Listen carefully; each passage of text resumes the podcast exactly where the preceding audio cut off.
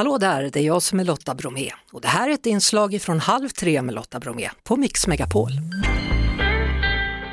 Malin Stenbeck, hallå, välkommen till Halv tre. Tack snälla Lotta. Hörru du, jag är ju Bachelor-fan och, och sitter och tittar på detta program som du då leder.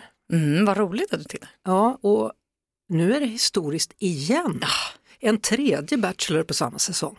Va? Det hade man inte kunnat tro. Du, det ska jag säga, att det trodde inte vi heller när vi åkte till Kreta.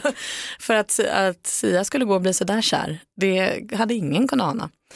Men det kändes också rätt självklart för oss när han väl kände så starkt för Aisa.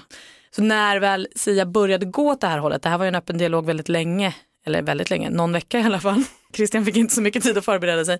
Men då började vi också ringa till Christian och fråga, hur har du egentligen? Och är du fortfarande sugen? Men det var första gången det var två Bachelors samtidigt också, det var också Sverige och du var med där och skapade historia. Mm. Första gången vi hade två Bachelors var eh, den säsongen vi gjorde i Sydafrika 2019.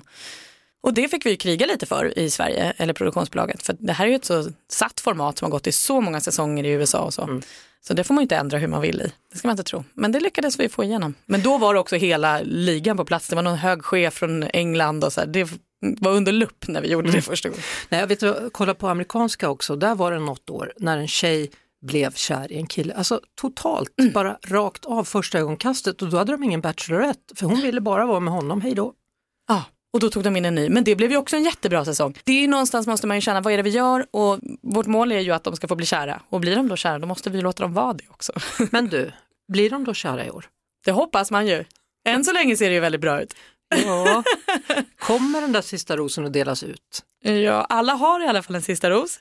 Sen vart den går eller hur det blir med det och hur länge de håller ihop efter, det får man ju liksom bara sitta lugnt och vänta på svaret. Ja. Du har ju också då Tjejerna berättar allt och, och det är väldigt ofta tycker jag som du går in där och bara säger sluta med det här beteendet. När de börjar bli taskiga, när de börjar vikthetsa, när de börjar liksom visa mobbingtendenser.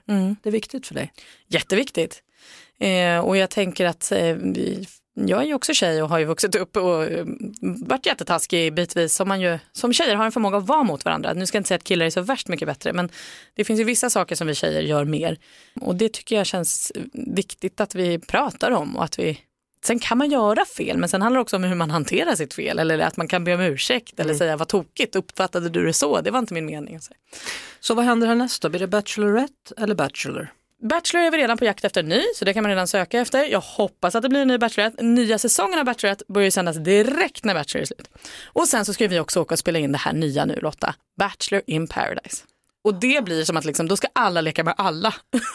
Alla från alla säsonger leker Ja med men alla. lite så. Har man varit Bachelor eller dejtat en Bachelor eller varit Bachelorette eller dejtat en Bachelorette kan man flytta in i det här lilla paradiset. Och det är också en amerikansk förlaga ska vi säga då, för det har jag också lyckats se. Ja då, Men jag ser allt sånt, Ja, men märker det är du? bra. Vad, har jag för skada? det är jättehärligt.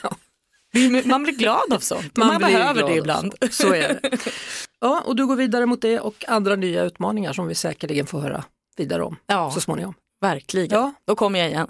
Det kan du göra. Tack för idag. Tack Lotta. Vi hörs såklart på Mix Megapol varje eftermiddag vid halv tre.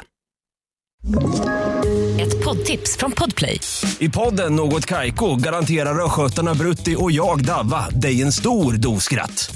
Där följer jag pladask för köttätandet igen. Man är lite som en jävla vampyr. Man har fått lite blodsmak och då måste man ha mer. Udda spaningar, fängslande anekdoter och en och annan arg rant. Jag måste ha mitt kaffe på morgonen för annars är jag ingen trevlig människa. Då är du ingen trevlig människa, punkt. Något Kaiko, hör du på Podplay. Därför är gardinerna.